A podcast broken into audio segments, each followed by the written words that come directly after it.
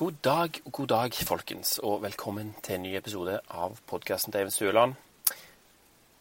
En av de tingene jeg har å si nå, er hva i all verdens land og rike er det som skjer med været?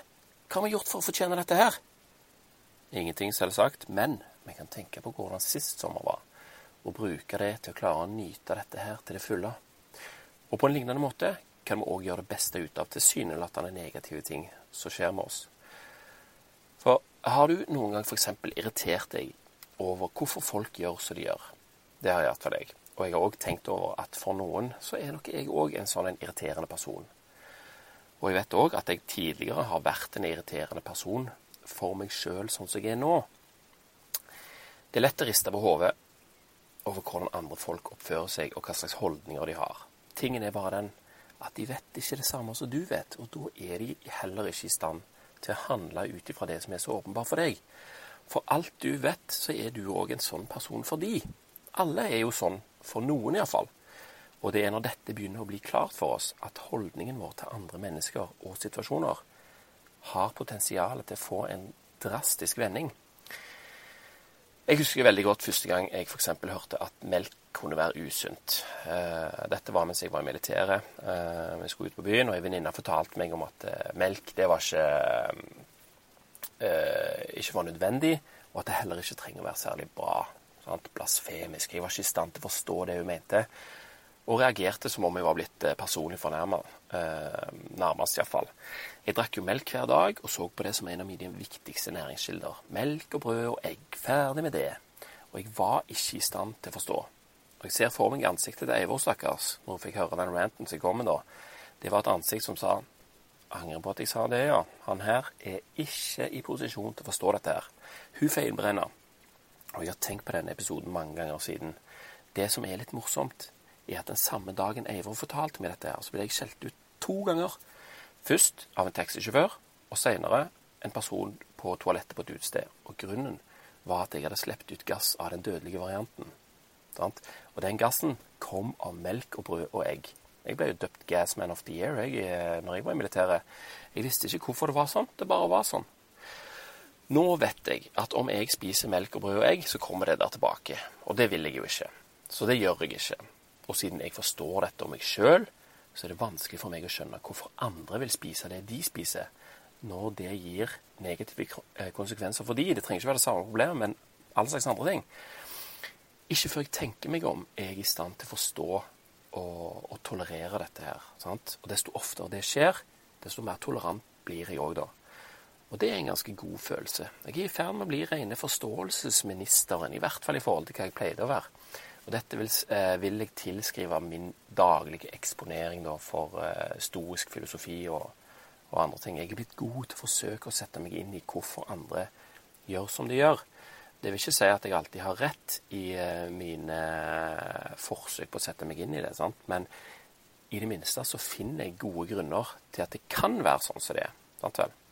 Og det, det er da dette her blir interessant. Irritasjon og avstand fra handlingene til den andre personen går over i nysgjerrighet. Hvorfor ser de ikke det som jeg ser?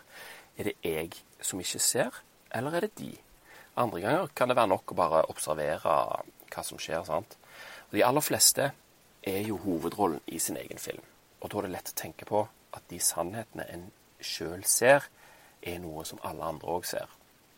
Uh, og Her en dagen så kom Barbro til meg og sa at uh, hun hadde faktisk vært dårlig i flere dager, og at hun savna at jeg så dette her og tok hensyn til hennes tilstand. Klassisk mann og kone-situasjon, sant vel. Jeg husker at hun hadde sagt at hun hosta mye om natta, men jeg hadde liksom ikke merka noe mer til at det var et problem. Og da ble det glemt, og oppi alt 17. mai-styret, og vi hadde jo besøk av mor mi, og gikk eh, tur og ditt og datt, liksom, sant. Så når hun kom og sa dette, så oh, Wow. Jeg ble imponert, altså. Har hun klart å oppføre seg på en sånn måte at vi andre ikke har merka at det er noe galt her. Stoisk respekt, altså. Og samtidig eh, så var det jo litt løye, da, for hun ønska jo at jeg skulle se det her og ta hensyn. I forhold til hvordan jeg tenkte, så hang jo det ikke sammen med den eh, imponerende prestasjonen hennes. Så eh, vi, vi, ble jo da enige om at jeg skulle bli bedre på å skjønne når hun trengte omsorg og hensyn, og at hun kunne bli litt bedre på å si fra når hun trengte, når hun trengte det. For hun, hun mente at hun var litt dårlig på det. sant vel? Og etterpå så måtte jeg bare sitte der og smile, og jeg var fremdeles mektig imponert. Og så satt jeg og lurte på om hun bedre hadde forstått hvor imponerende egentlig hennes oppførsel var, om hun hadde lest eh, mer stoisk filosofi, da. Eh, og at den følelsen hun da fikk eh, av det, i seg sjøl kunne gi hun det hun trenger for å føle seg sterk nok til å tåle dette her, istedenfor å føle at hun ikke ble sett. Er du med på tanken? At hun kunne liksom godte seg litt over hvor flink hun faktisk var, da. For hver gang jeg er dårlig, så tenker jeg på Jan Baalsrud og Viktor Frankel, og ønsker at jeg skal klare å la denne, eh, i forhold til de, lille bagatellen gå forbi uten at det skal gå for mye utover andre. Men nå kan jeg faktisk bare tenke på kona mi når jeg vil skjerpe meg. Hun er god til det, selv om hun ikke vet helt om denne her superevnen sin. Jeg sier ikke at det er rett, eh, eller at ingen skal klage når de er dårlige. Men det er sånn jeg ønsker å gjøre det for min del, iallfall. Og da er det òg denne tankegangen som ligger til grunn når jeg via system 1 automatisk vurderer det som skjer rundt meg. Og dette er utfordringen som jeg gir meg sjøl. Det er ikke et sett med regler som jeg har tildelt alle andre. Jeg ønsker jo å øve på, de fordi, øve på dette fordi jeg har lest og forstått på mitt eget vis at det, at det er en god ting å prøve på. Altså, Det trenger ikke være rett eller galt, men har, sånn som jeg ser det, så er det en god ting å prøve på. da. Og jeg liker å trene på det som er vanskelig, til det blir lett, eller i det minste lettere. Den gode følelsen jeg får av å la være å klage over hvordan jeg føler meg, eller hvis jeg har gjort noe vanskelig som ingen merker at jeg har gjort, det er blitt noe som jeg eh, ettertrakter, noe som jeg prøver, eller liksom som jeg liker, da. Å snu noe negativt til noe positivt. sant? Jeg klarer det ikke alltid. Ikke engang 50 av tida klarer jeg det, men mye mer enn null. Og mitt system 1 vil jo òg ha omsorg og medlidenhet når jeg er sjuk og at folk skal se og verdsette det som jeg gjør. sant vel? Men mitt system nummer to vil kose seg over at det er bare meg som vet at jeg har gjort noe vanskelig eller holdt ut lidelse. Da kan jeg smile for meg sjøl, og etter hvert så vil jo dette da overta plassen i system 1. Og når jeg tenker over det nå, så kan jo faktisk dette her henge sammen med, med prinsippet om eh, lave forventninger. sant vel? Ofte så når du gjør noe eller uh, når du uh, lider, så vil du liksom at andre skal se at du gjør det, sånn at du, du blir forstått på en måte. Men eh, jeg føler at jeg blir på et vis bedre til å klare meg med bare meg sjøl, uten å være avhengig av utenforstående eh, krefter eller forståelser for å, å, bli fornøyd med det jeg holder på med. sant vel? Og når noen likevel merker det som jeg har gjort, eller hva jeg har tålt, så er jo det selvfølgelig hjerteligst velkommen. Følelsen da er mye sterkere enn om jeg sier at eh, de må se på meg og, og, og, se hva jeg har gjort, hva jeg kan, liksom. Samtidig så ser jeg etter handlinger eller situasjoner som andre gjør eller tåler, som jeg kan gi de anerkjennelse for. Sant vel? Jeg går jo rundt og, og øver meg sjøl på dette her. Og da går jeg jo automatisk rundt og så overfører dette her til andre. Sant? Så Hvis noen har gjort noe vanskelig og ser at de liksom ikke tar noe kreds for det, så er det jo veldig hyggelig da å gi en liten oppmerksomhet til det. Si ifra liksom at eh, Du, jeg så du gjorde sånn og sånn, liksom. Det var, det var power, altså. Og sånn ellers, da, når jeg går rundt og tenker mer eller mindre bevisst på disse tingene her, eh, som jeg mer eller mindre bevisst har bestemt meg for at de er bra, så trener jeg jo på å fange meg sjøl i å oppføre meg sånn som jeg ikke ønsker, eh, sånn at jeg kan rette på det. Sant vel? Og hva blir en følge av det? Det blir jo fort gjort å oppdage andre personer i å handle eller oppføre seg sånn som jeg prøver å unngå. For det er jo der fokuset mitt ligger. sant vel? Og de personene jeg ser gjør dette her, som jeg sjøl prøver å unngå, de blir jo dømt deretter, sant? av system 1. Når jeg f.eks. ser eh, en sånn Bare et eksempel her, da. Hvis jeg ser noen som bader i kaldt vann, og så lager de masse ukontrollerte lyder og, bevegelser og spreller, liksom.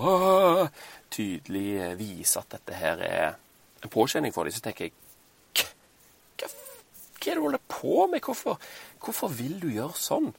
Sant? Eh, følelsen blir at denne personen er annerledes enn meg. For det som jeg har øvd på, er å, å ha kontroll over at jeg ønsker å føle denne kulden på kroppen, istedenfor å distrahere den med lyder og bevegelser. Sant? Det er det jeg har øvd på. Og sånn er meg og denne personen annerledes. Og det er så latterlig, for jeg pleide jo sjøl å brøle og sprelle i kaldt vann eh, før jeg hadde den innsikten som jeg har. Så fort Hadde jeg glemt det, sant vel? Men det er når jeg kommer på dette her, at òg forståelsen for det hele kommer. Da blir jeg i stand til å kvitte meg med den avstanden som jeg føler for handlingen til den personen det gjelder. Og når jeg forstår, så blir jeg òg mer inkluderende istedenfor ekskluderende. Og Jeg leste noe om dette her i en Daily Stoic-e-post som vi fikk her om dagen. og Det er et uh, sitat fra Anthony de Mello som går som følger, da. Observer den enorme endringen som kommer over deg i det øyeblikket du stopper å se på folk som gode og dårlige, helgen og synder, og du begynner å se på de som uvitende og uopplyste. Og den endringen man opplever da, er ganske enorm. For folk er ikke ute etter å sverte deg eller overbevise deg om at du har feil. De oppfører seg ikke annerledes enn deg i trass. De vet rett og slett ikke bedre. Og det samme gjelder deg og meg. Vi kan heller ikke oppføre oss bedre enn hva vi vet. Sant vel? Vi er ikke ondskapsfulle eller slemme. Vi bare gjør det vi tror er greit ut ifra de erfaringene og det som vi vet. Og når vi så vet dette, da, og har øvd oss i å bruke denne innsikten, det er da det begynner. Da kan vi bruke disse situasjonene til å øve oss videre. Sant? Øve oss på å forstå hvorfor andre gjør sånn som de gjør. Lete etter grunner som forklarer noe som vi i utgangspunktet ikke ser logikken i. Og det er ikke sikkert at det, det er bare det at vi ikke ser det, men vi har kanskje vært i akkurat samme situasjon tidligere. Bare at eh, med ny innsikt så har vi liksom lagt det bak oss. Og noen vil jo kanskje ha eh, hjelp til å forstå mer, sant? Er det noe jeg kan hjelpe deg med? Det har jo skjedd. Jeg har jo hjulpet folk med f.eks. mat eller trening, eller og klarer jeg å bade i kaldt vann uten å eh, få den der panikken. Sant vel? Men det har òg skjedd at jeg har prøvd å hjelpe noen som ikke vil ha hjelp. Sant vel? Når du havner i den der festlige diskusjonen som eh, vil ingen ende ta. Men etter hvert så blir det jo òg bedre å se forskjell på det sant? og skjønne hvem som, er, hvem som er mottagelig, og hvem som ikke er.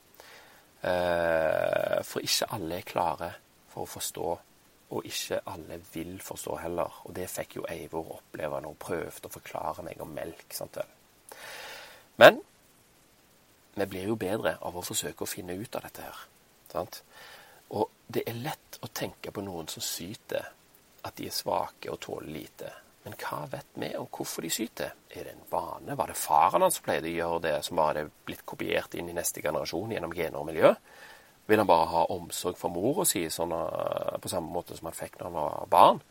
Er det lettere å forstå denne personen når vi sjøl plutselig er dårlige og ønsker å syte og motta omsorg? Er det da òg lettere å gjøre noe med det, om det er det vi ønsker? Hvis vi klarer det, så er vi jo kommet et skritt videre. De gjør det ikke med vilje, men vi kan bruke deres eksempel til å styrke vår egen karakter hvis vi vet hva vi er ute etter, hvis vi vet hva vi leter etter. Gjenkjenne uønska atferd og bruke det vi har sett andre gjøre, til å handle bedre i egne situasjoner. Folk er forskjellige og har sine erfaringer og sine grunner til å oppføre seg sånn som de gjør. Noen ganger kan det endres, andre ganger ikke. Noen ganger er det kjekt å kunne hjelpe. Andre ganger kan det være nok å tåle å holde ut. Og å tåle sånne ting, det klarer vi best om vi forsøker å sette oss inn i hva det er som fører til den oppførselen. Det trenger ikke være rett. Det er ikke det som er hensikten. Hensikten er å øke den generelle forståelsen for hvorfor folk gjør som de gjør. Desto flere eksempler vi har brukt, desto flere nye situasjoner og personer vil vi være i stand til å forstå. Og det, folkens, det var alt for i dag. Takk for meg. Takk for nå. Og tusen takk til deg som hørte på. Vi snakkes neste gang.